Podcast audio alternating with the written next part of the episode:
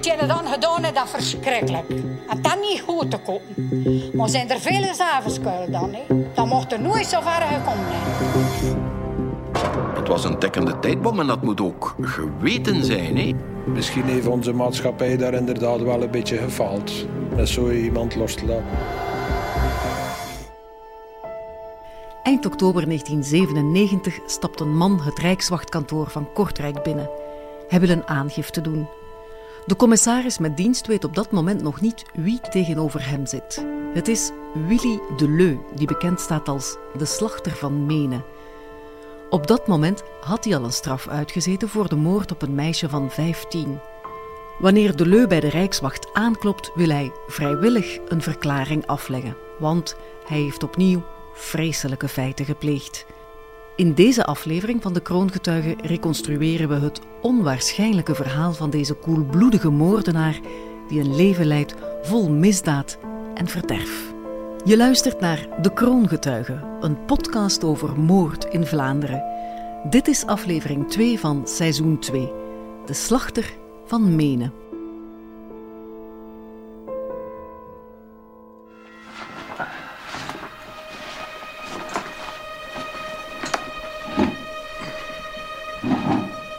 Kan ik voor u doen?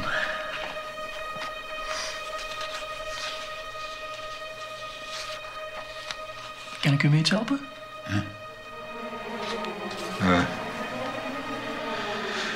Ja, ik pijs het wel. Eh, ik zou wel een verklaring afleggen. Goed. Mag ik dan eerst uw naam weten? De Leu. Willy. Beroep? Werk voor het moment. Goed. Vertel het eens. Waarover gaat uw verklaring?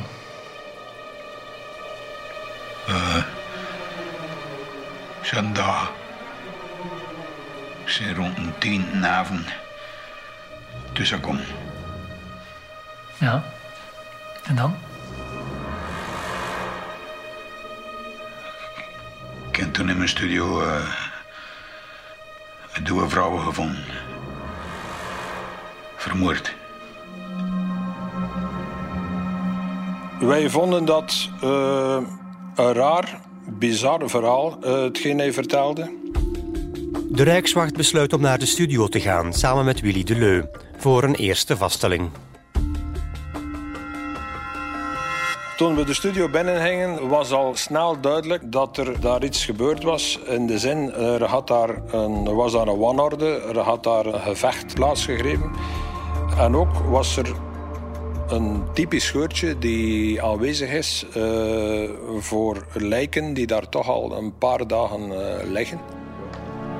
Op een moment, moment. Ze ligt toch. Onder de matrassen. Ja, kan, kan ze daar voelen. Ja. Ik weet het ook niet meer. Hé.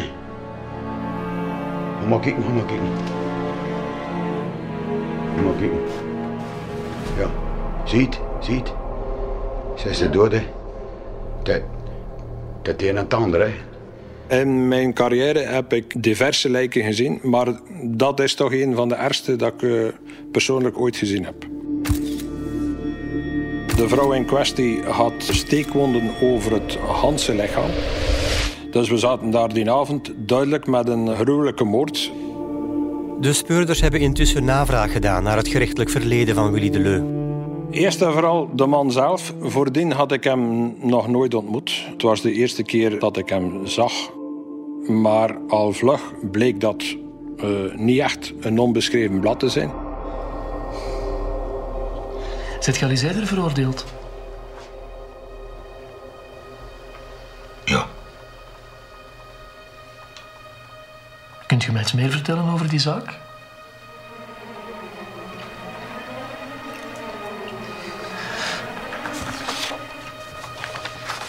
Hebben die feiten zich niet afgespeeld in 73? Hij was veroordeeld geweest voor de moord op een 15-jarig meisje die hij dus met een mes had doodgestoken. Omdat ze niet wilde ingaan op zijn eisen van dat moment. 24 jaar eerder, in 1973, vindt een chauffeur een neergestoken meisje op een landweg in het West-Vlaamse Komen bij Menem. Ze is de ex-vriendin van de toen 24-jarige Willy de Leu. Hij is meteen de hoofdverdachte. Waarom heb je dat gedaan? Ik wou niet dat ze het gedaan maakte. Ik dreigde ermee dat ik zelfmoord zou plegen.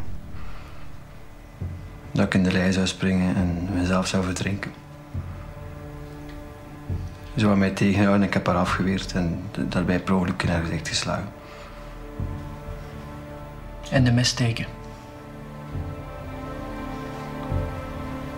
Dus ze bleef achter mij lopen. En toen ze mij niet wou loslaten, heb ik het mes gepakt en over mijn schouder naar, naar haar hand gestoken.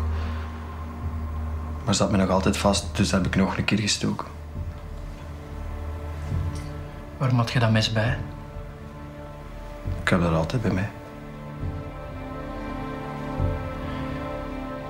Toen we stak, heb je dan gestoken met de bedoeling om te doden? Maar nee. Totaal niet. Je beseft toch dat ze dood is? Dood? Wie? Anne Roos? Nee, zij is niet dood. Toch wel? Dat is niet waar. Ik wou haar geen zeer doen en haar al zeker niet dood doen. Het is nogthans gestorven. Door de slagen en de steken die jij haar hebt toegebracht. Dat is niet waar. Je hebt meer dan twee keer gestoken. Dat is niet waar. Zij is niet dood. Zij is niet dood. Willy Deleu staat dan al bekend als een moeilijke jongen. Als minderjarige komt hij meermaals in aanraking met het gerecht. En als tiener is hij verslaafd aan alcohol. Na verschillende inbraken, brandstichtingen en grafschennis wordt hij op 16-jarige leeftijd veroordeeld tot een gevangenisstraf van twee jaar. Hij zit in een neerwaartse spiraal. Er is niemand die ook maar één inspanning doet om die spiraal om te buigen, om hem ergens de zin van het leven te leren kennen. Hij wordt thuis aan zijn lot overgelaten en zelf is hij op zoek naar aandacht en affectie. Hij zegt dat er weinig affectie was. Ik denk dat het ook te maken mee heeft met zijn persoonlijkheid. Het is een man die eigenlijk hans zijn leven wel wat gehunkerd heeft naar affectie. Hij vond eigenlijk nooit de tederheid en warmte die hij wel wou. Na zijn celstraf vindt Deleu wat warmte en menselijkheid in het naburige tankstation bij uitbaatster Georgette Meisman. Hij en zijn broers komen er vaak. Ze kwamen ze er vrij bij mij. Wat ik toen precies waren ze er jonge haast, maar ik was nog maar 34. He. En, ja, en van Tienenbracht, en ze kwamen ze er alle dagen. En dus bij mij kwam nee. Ze waren ze de zuster met mijn jongens. Willy Deleu gaat in Menen aan de slag als paardenslachter. Door de hoge werkdruk, maar vooral door overdreven drankgebruik, geraakt hij in een depressie en wordt hij opgenomen in het ziekenhuis. Willy Deleu was vaak depressief. Werd dan ook behandeld voor eh, die depressiviteit. Dus in 1970 zijn eerste maal, hij was dan 21 jaar zeker, al opgenomen wegens, hij zei overspanningstoestand, omdat hij te veel moest werken in het slachthuis. Maar er was ook, en dat minimaliseerde hij altijd, het alcoholmisbruik. Ik denk dat hij dan opgenomen werd omwille van alcoholproblemen. Op 24-jarige leeftijd wordt hij verliefd op Anne-Roos Mazuren, een 15-jarig meisje. Ze beginnen een relatie. Goh, zeg, ik zie ze door zeg. Nou, zie me ook wel, zeg. Dat is perfect, zeg, tussen ik en ze. Ik ben 100% zeker dat Willy Deleu smoor verliefd was op Anne-Roze. En ik ben ook 100% zeker dat het wederkerig was. Oei, die twee te horen zo, dat klopt gelijk een bus. Aanvankelijk verloopt de relatie goed. Ook met de ouders van Anne-Roos klikt het tot die ontdekken dat Deleu een verleden heeft als psychiatrisch patiënt en crimineel.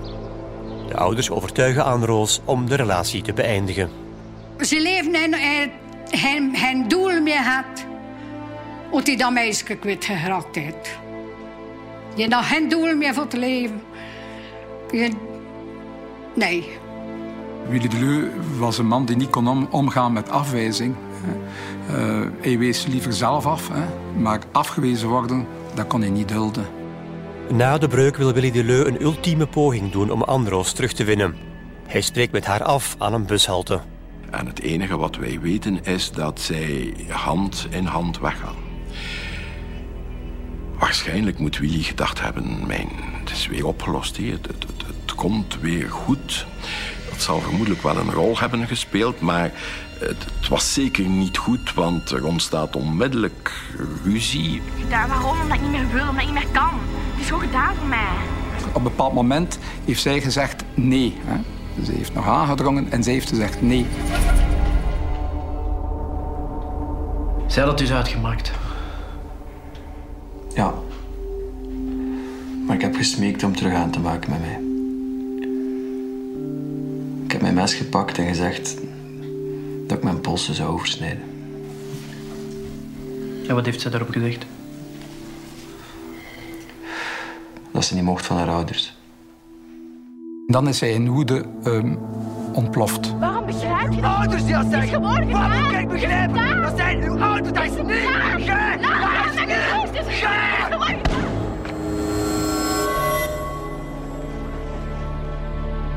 Is een man van explosief geweld. Eens dat een agressie in hang werd gezet, dan was het eigenlijk een escalatie die haast niet meer te stoppen was.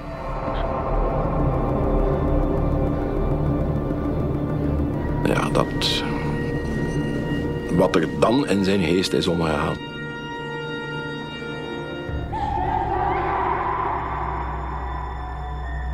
Als hij zelf de relatie afbrak, dan was er niks aan de hand. Hè. Hij had het voor het zeggen. Hm? Als iemand anders de relatie afbreekt, dan kon hij helemaal niet mee overweg. En werd hij gewelddadig.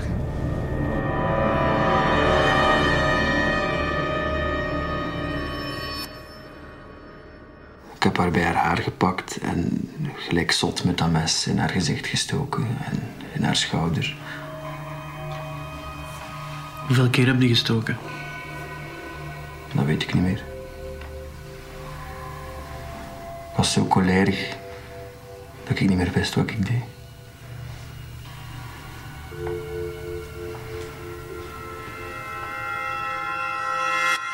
Anne Roos leeft nog wanneer Willy Deleu haar achterlaat. Maar de hulpdiensten kunnen haar niet meer redden. Ze sterft op 15-jarige leeftijd tijdens de overbrenging naar het ziekenhuis. Onowel s'nachts kwam balen aan de deur dat zei Willy zat nee, dat meisje vermoord zaten. En jij maar zo told zaten uit je, je skuffelen, als zo ik te.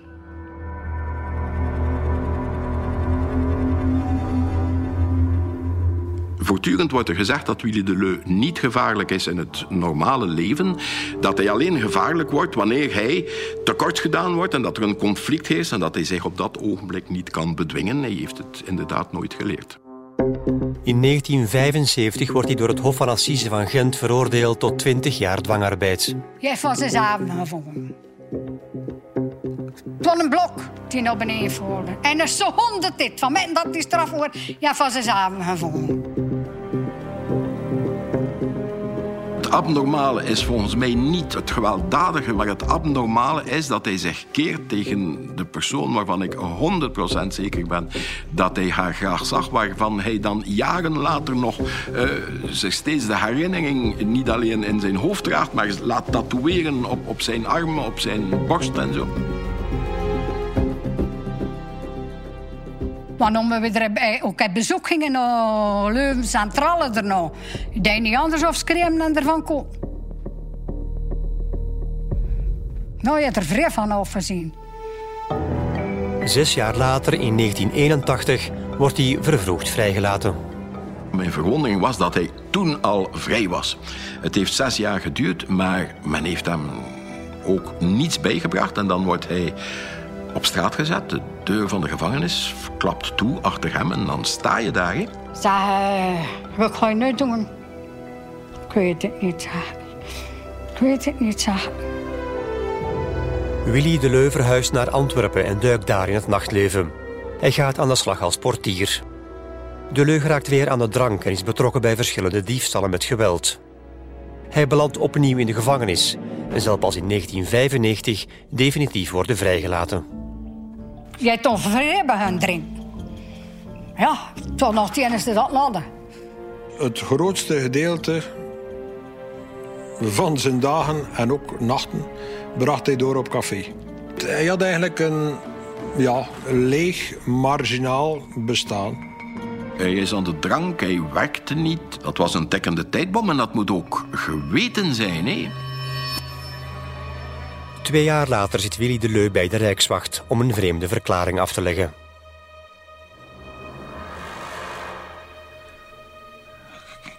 Ik heb toen in mijn studio uh, dode vrouwen gevonden.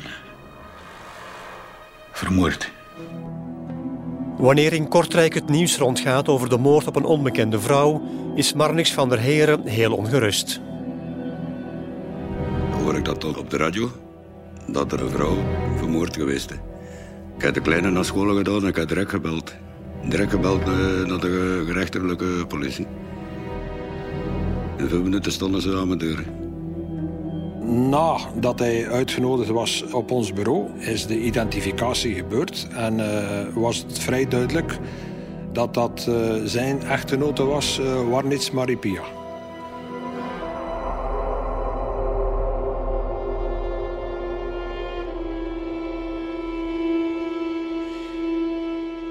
Mijn, mijn, leven stortte in elkaar. Op dat moment zelf. Het was, het kapot.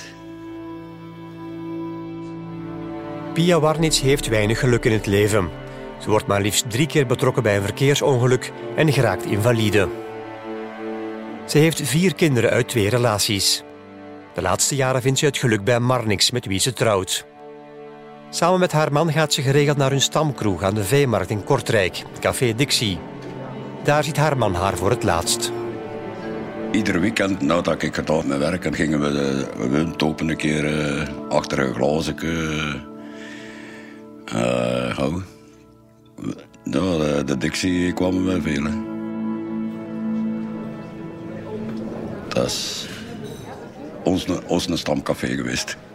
Kijk, ja. Pia en Marnix gaan op vrijdagavond 24 oktober 1997 uit.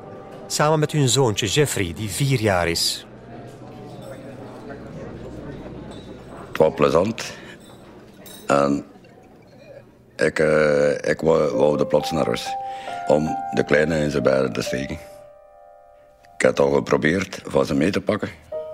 Dat me niet gelukt. En toch had ik ze beter van hun stoelen gesleurd. Ze beter meegesleurd.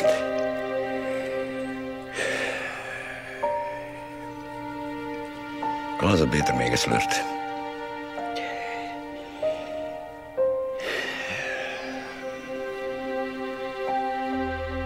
Vlak voor Marnix vertrekt maakt hij nog ruzie met Pia. Marnix gaat naar huis, maar Pia blijft weg. Dat gebeurt wel vaker, maar deze keer heeft hij een slecht voorgevoel. Heel mijn kot, al doeken van mijn, van mijn kot uh, afgelopen. Stress, zenuwachtig, op zoek gaan. Aan Dixie geweest en gevraagd of ze hier niet geweest zijn. En inderdaad, ze zeggen dat, dat ze meegaan uh, met hem. Mee. Pia is het laatst gezien in Café Dixie samen met een zekere Willy de Leu. Dat heeft de Leu nooit ontkend. Hij beweerde dat hij een vrouw had ontmoet in het Café Dixie in Kortrijk. Die vrouw had ruzie met haar uh, echtgenoot of vriend. Wat is er vervolgens gebeurd in dat café? Wel, uh, nou die ruzie met die vent is die vrouw een neus mee komen zetten aan het doog. En we zijn begonnen babbelen.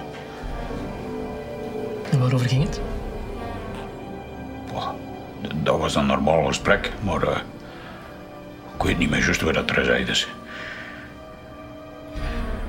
Op een bepaald moment besluiten jullie om samen weg te gaan. Van wie kwam dat initiatief? Van haar.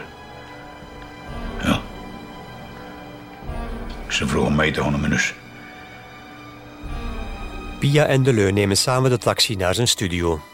Na een gesprek dat zij hadden gevoerd, uh, wilde die vrouw terug naar haar man. Hij had de sleutel meegegeven. Uh, en hij had de hele nacht terug gewacht op haar en had ze niet meer teruggezien. Voor een goed begrip, jij ontmoet een vrouw in Café Dixie. Zij gaat met u mee naar uw studio, daar babbelt je wat. En dan zegt zij dat ze nog eens wil praten met haar vriend, maar dat ze later gaat terugkomen. Ja, ik heb uh, tot uh, rond een twee gewacht, maar, maar, ze kwam niet meer weer. En dan zijn je gaan slapen? Nee, nee ik zit, zit Naar Café Dixie? Ik ben daar gepasseerd, maar uh, ze, ze, was er niet. En uh, ik ben toen nog in verschillende andere cafés geweest. En heb je daar iemand gezien die dat u kent? Niet dat ik weet. Dit is weer een heel ander verhaal, hè? Pia is na haar vertrek bij Willy de Leu niet meer in Café Dixie gezien. Niemand heeft haar die avond nog opgemerkt.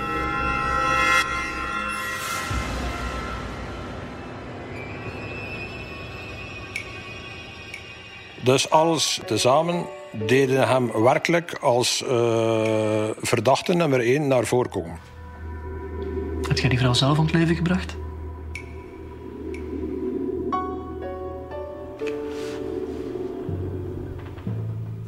Na een verhoor van drie uur gaat Willy Deleu, die bekend staat als de slachter van Menen, voor een tweede keer in zijn leven door de knieën. En bekent hij weer een moord. Je bent naar uw studio gereden? In een taxi. En wat heb je daar gedaan?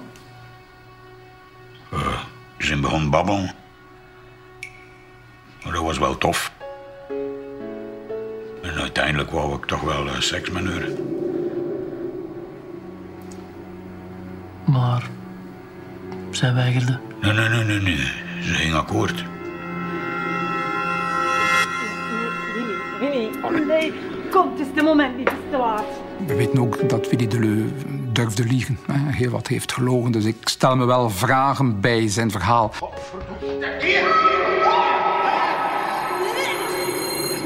Ik zie me toen begonnen uitkleden. En ze? Ze had niet veel meer aan. Nee, ze... Willy. Ja. We zijn elkaar toen begonnen betasten. Ja. Op een bepaald moment uh, duwde ze mijn hand weg. Ik moet naar huis. Allee, kijk. Oh. Wat ging er fout? Ze wilde geld. Hij zegt dat zij dan geld vroeg. Waar of niet waar. In elk geval, het was voor hem een grote afwijzing, een krenking. Dat hij niet kon doen wat hij wou. Hoeveel vroeg ze? Dat weet ik niet meer, maar ik bedoel, kunnen zij toch niet? Laat me gerust! Willy de Leu was een man die niet kon omgaan met afwijzing. Hij was dan al seksueel op dreef, om zo te zeggen. Dus hij wilde, hè, en Willy de Leu was zo, hij wilde dan een pure seksuele spanningsontlading. En zij weigert. Dan is er een getrek en geduw geweest. Heeft zij op een bepaald moment uh, een van haar laarzen dat ze uitgedaan had gebruikt om de leu op zijn hoofd te slaan? Zij had veel macht, dus ze heeft zich goed verweerd. En daar kon hij ook niet mee om. Want hij heeft nog nooit zich laten doen door een vrouw, zei hij. Dus hij zegt, dat maakt mij nog meer kwaad.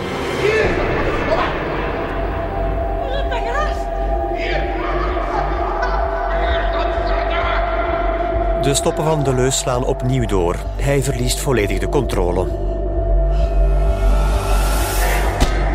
Hij gaat Pia te lijf met een waterketel.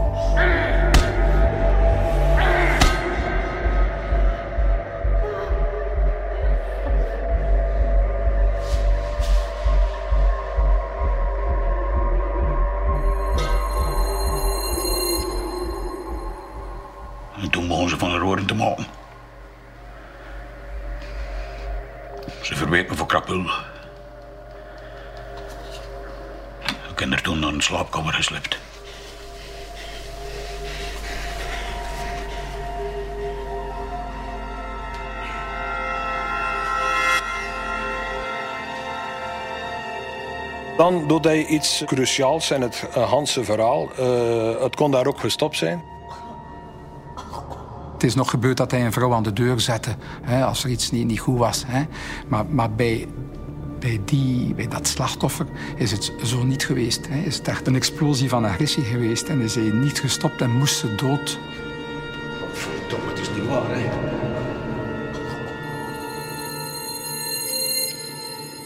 En toch zijn er doorgegaan. Naar de keuken gelopen. Een pot goulash gepakt die er op het fornuis stond. Ik ben ermee beginnen in haar slaan.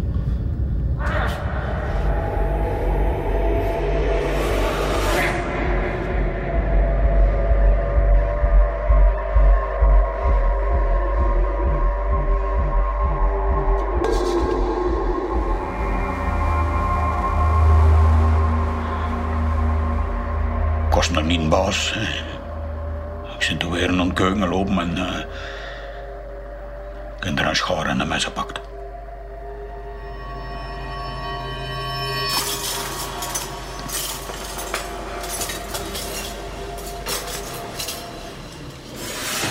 Dan begint het horrorverhaal blijkbaar nog maar, want hij is overal beginnen steken.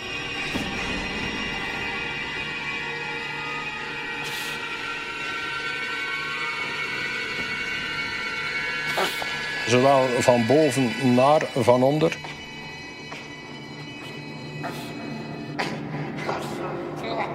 Tot hij op een bepaald moment een pose ingelast heeft.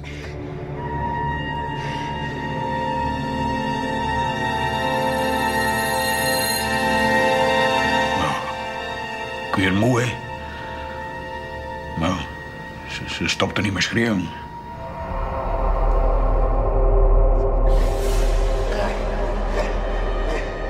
Hij is terug herbegonnen. Uiteindelijk bleek dat dan te gaan om zeker 70 steken die hij heeft toegebracht.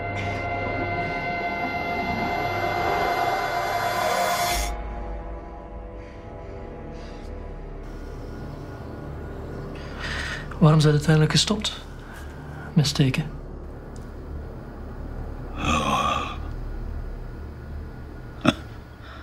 Ze stopte maar schreeuwen, hè.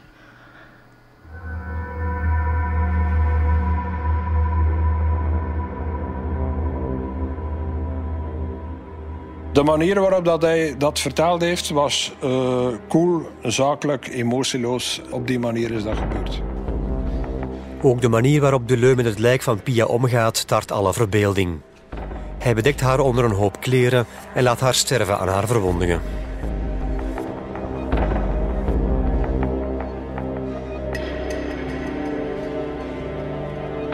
Hoe hij omgegaan is na de moord met het uh, slachtoffer, met het lijk eigenlijk, toont ook dat hij helemaal geen spijt had en ook helemaal geen respect uh, voor, voor de mens. Hè. Hij kon eigenlijk ook hulpdiensten meteen gebeld hebben. Hij heeft eigenlijk alleen nog gedenigreerd eigenlijk, uh, het lijk eigenlijk en, en zomaar achtergelaten zonder blikken nog blozen.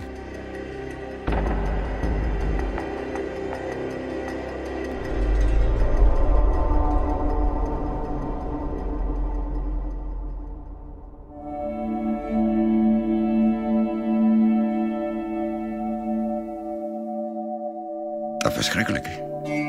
Dat is beestachtig ook. Ja. Het heeft er achter elkaar, ze.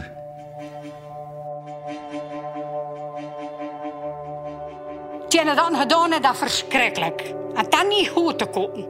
Maar zijn er vele zavenskuil dan, hè? Dat mocht er nooit zo ver gekomen zijn.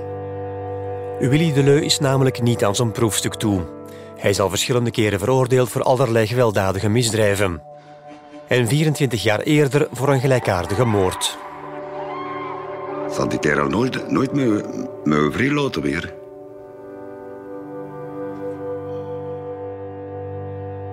Misschien heeft onze maatschappij daar inderdaad wel een beetje gefaald. Met zo iemand los te laten.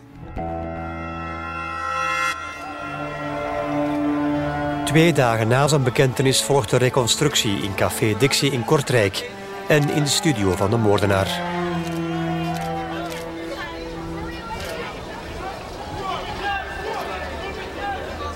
Tijdens de reconstructie wordt ook voor de politie pas echt duidelijk hoe gruwelijk Willy de Leu gehandeld heeft.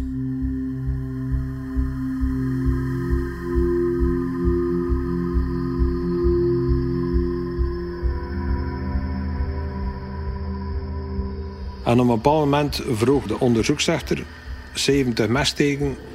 Toont dan nu een keer hoe dat je dat juist uh, gedaan hebt. Op een koelbloedige en apathische manier toonde Leu hoe hij Pia te lijf ging. Wij stonden allemaal versteld dat dat zo lang duurt. Wat nogmaals bewijst dat die vrouw een vreselijke doodstrijd moet uh, ondergaan hebben.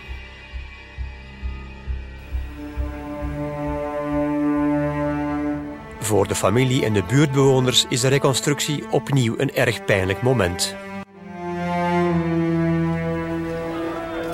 Een van de broers van het slachtoffer kan zijn wraakgevoelens niet meer onderdrukken.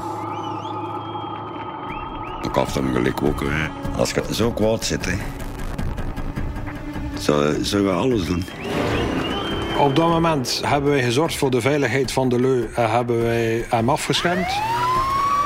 De dader wordt onmiddellijk weggevoerd, want niet alleen de familie, maar ook de hele buurt heeft haatgevoelens.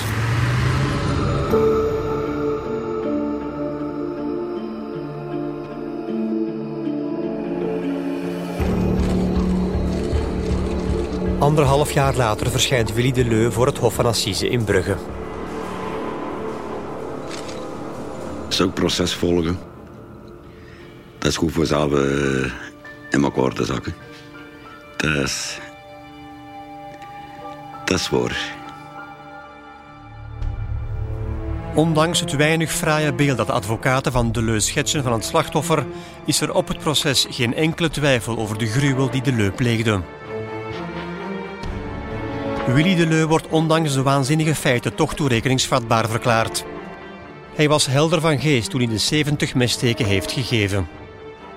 Heel veel mensen denken van ja, om zoiets te doen moet je toch wel een zieke zijn. Hè? Psychiaters zien dat vanuit een ander oogpunt. Hè? Wij kijken, hè, zijn er daar werkelijk hè, symptomen die wijzen naar een bepaalde geestesstoornis? Dat was bij hem eigenlijk niet het geval.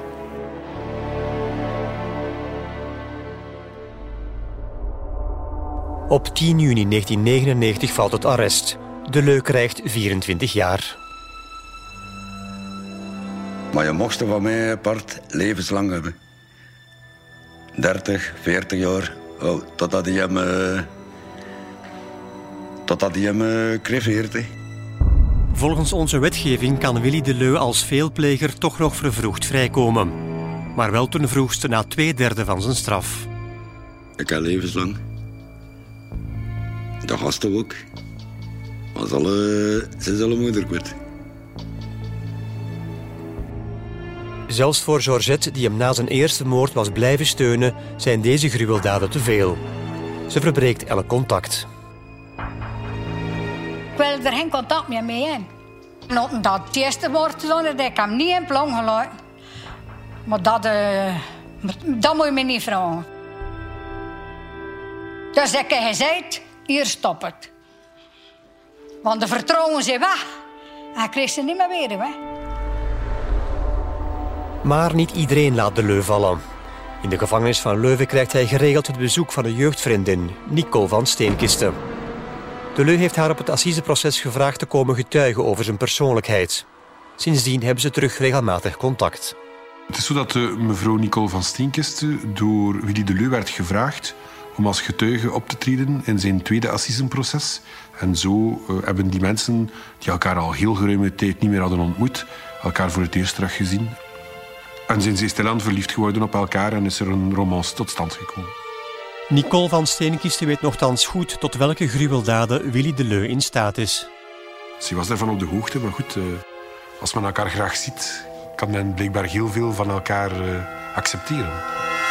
Nicole mag geregeld een ongestoord bezoek brengen in de gevangenis, in een privékamer zonder camera's. Dat doet ze ook op 28 januari 2001, op haar verjaardag. Meneer Deleu had erop aangedrongen dat zij zeker en vast zou langskomen op die dag. Omdat hij beloofd had van kijk, in het kader van uw verjaardag zou het aangenaam zijn dat we elkaar ontmoeten. Uh, ze is daar naartoe geweest. Alles verliep eigenlijk aanvankelijk vrij goed. Tot op het ogenblik dat zij samen in die intieme ruimte zijn. Allee, masseren. En na afloop van die intieme contacten heeft Deleu de vraag gesteld aan mevrouw van Steenkiste om op haar buik te gaan liggen. Hij zou haar nog een rugmassage geven.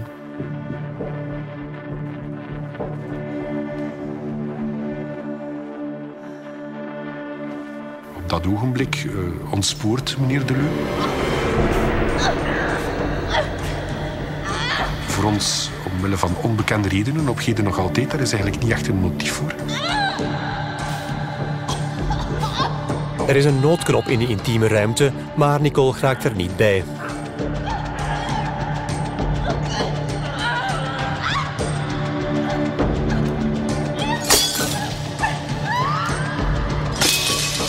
Hij breekt daar een colaglas en hij begint daar mevrouw uh, van toe te takelen.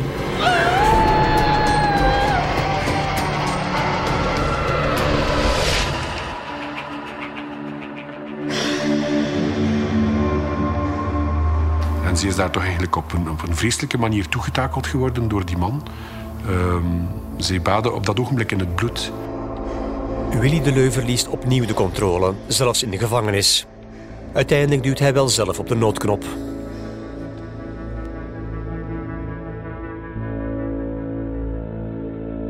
Hoe is het gods mogelijk dat dat nu nog een keer gebeurt? Zijn ze nog niet geleerd, uh, die rechters en, en heel die kluts? Ik zou wel geleerd zijn achter de eerste keer.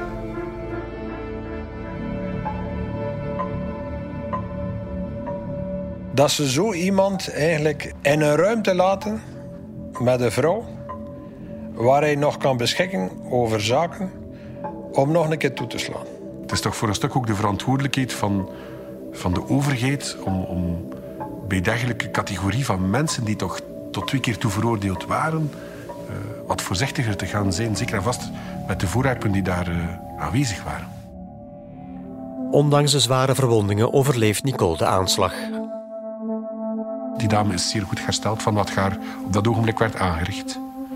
En ook de verstandhouding, hoe vreemd het ook mogen klinken, tussen uh, De Leu en, en Van die heeft zich nadien ook hersteld. Die mensen hebben elkaar teruggevonden. Meneer De Leu heeft zich verontschuldigd, heeft verheffenis gevraagd voor wat daar gebeurd was. En uh, men is uiteindelijk nog samen met elkaar in het huwelijksbootje gestapt.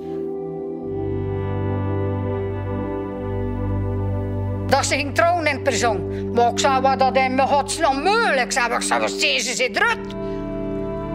Zeg, ik steeds zit zeg. Maar de Leu komt er niet ongestraft vanaf. Op 15 maart 2005 wordt hij geïnterneerd. En daar had hij een heilige schrik voor. U moet weten, een internering voor dergelijke zware feiten zou er waarschijnlijk toe geleid hebben dat die man nooit nog in vrijheid zou worden gesteld. En die zag dus ook geen toekomst meer. Ook niet voor dat huwelijk dat hij had afgesloten met mevrouw van Stienkisten. Iemand gelijk de Leu kunt je gewoonweg niet loslaten in de maatschappij. De Leu zal nog een laatste keer van zich laten horen. Hij pleegt zelfmoord op 56-jarige leeftijd. Dat jullie de Leu zelfmoord heeft gepleegd, dat verrast me eigenlijk niet. Hij eh, had dat trouwens tegen mij al gezegd in de gevangenis ook. Hè, dat hij al dacht aan, aan zelfmoord. Voor hem moest er eigenlijk niet veel meer in het leven. Ja, als ik dan hoor dat hij zich heeft opgehangen in zijn cel, ja, dan heb ik geen medeleven, maar dan zie ik dat als het normale, ja, het onvermijdelijke slot. Het moest bijna daar ophouden. Het, uh... Hij is er niet meer. En ik kan ook geen kwaad meer doen. Nou, dat geeft me rust. En ben veel kalmder. Of dat, dat hij hem nog leeft.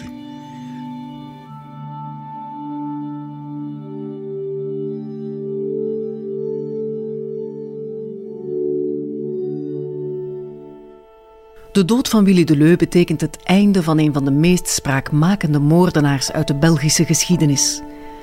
De slachter van Menen stierf op zijn 56ste. 21 jaar bracht hij door achter tralies. Het is erg uitzonderlijk dat iemand twee keer in zijn leven wordt veroordeeld voor een hof van assise en twee keer de gevangenis in moet. Maar wat het verhaal van Willy Deleu echt uitzonderlijk maakt, is dat hij in totaal tot 48 jaar cel veroordeeld werd. Een triest record. Voor de man die twee mensen de dood injoeg. Dit was De Slachter van Menen, de tweede aflevering van het tweede seizoen van de podcast De Kroongetuigen, gebaseerd op de gelijknamige televisiereeks. Niels de Vos zorgde voor de montage en mixage. Dank aan Emé van Meensel voor de juridische ondersteuning en aan Maite Goossens voor de redactionele hulp. Duiding gebeurde door journalist Jeroen Wils en door mezelf, Birgit van Mol. In de volgende aflevering onderzoeken we de golfmoord.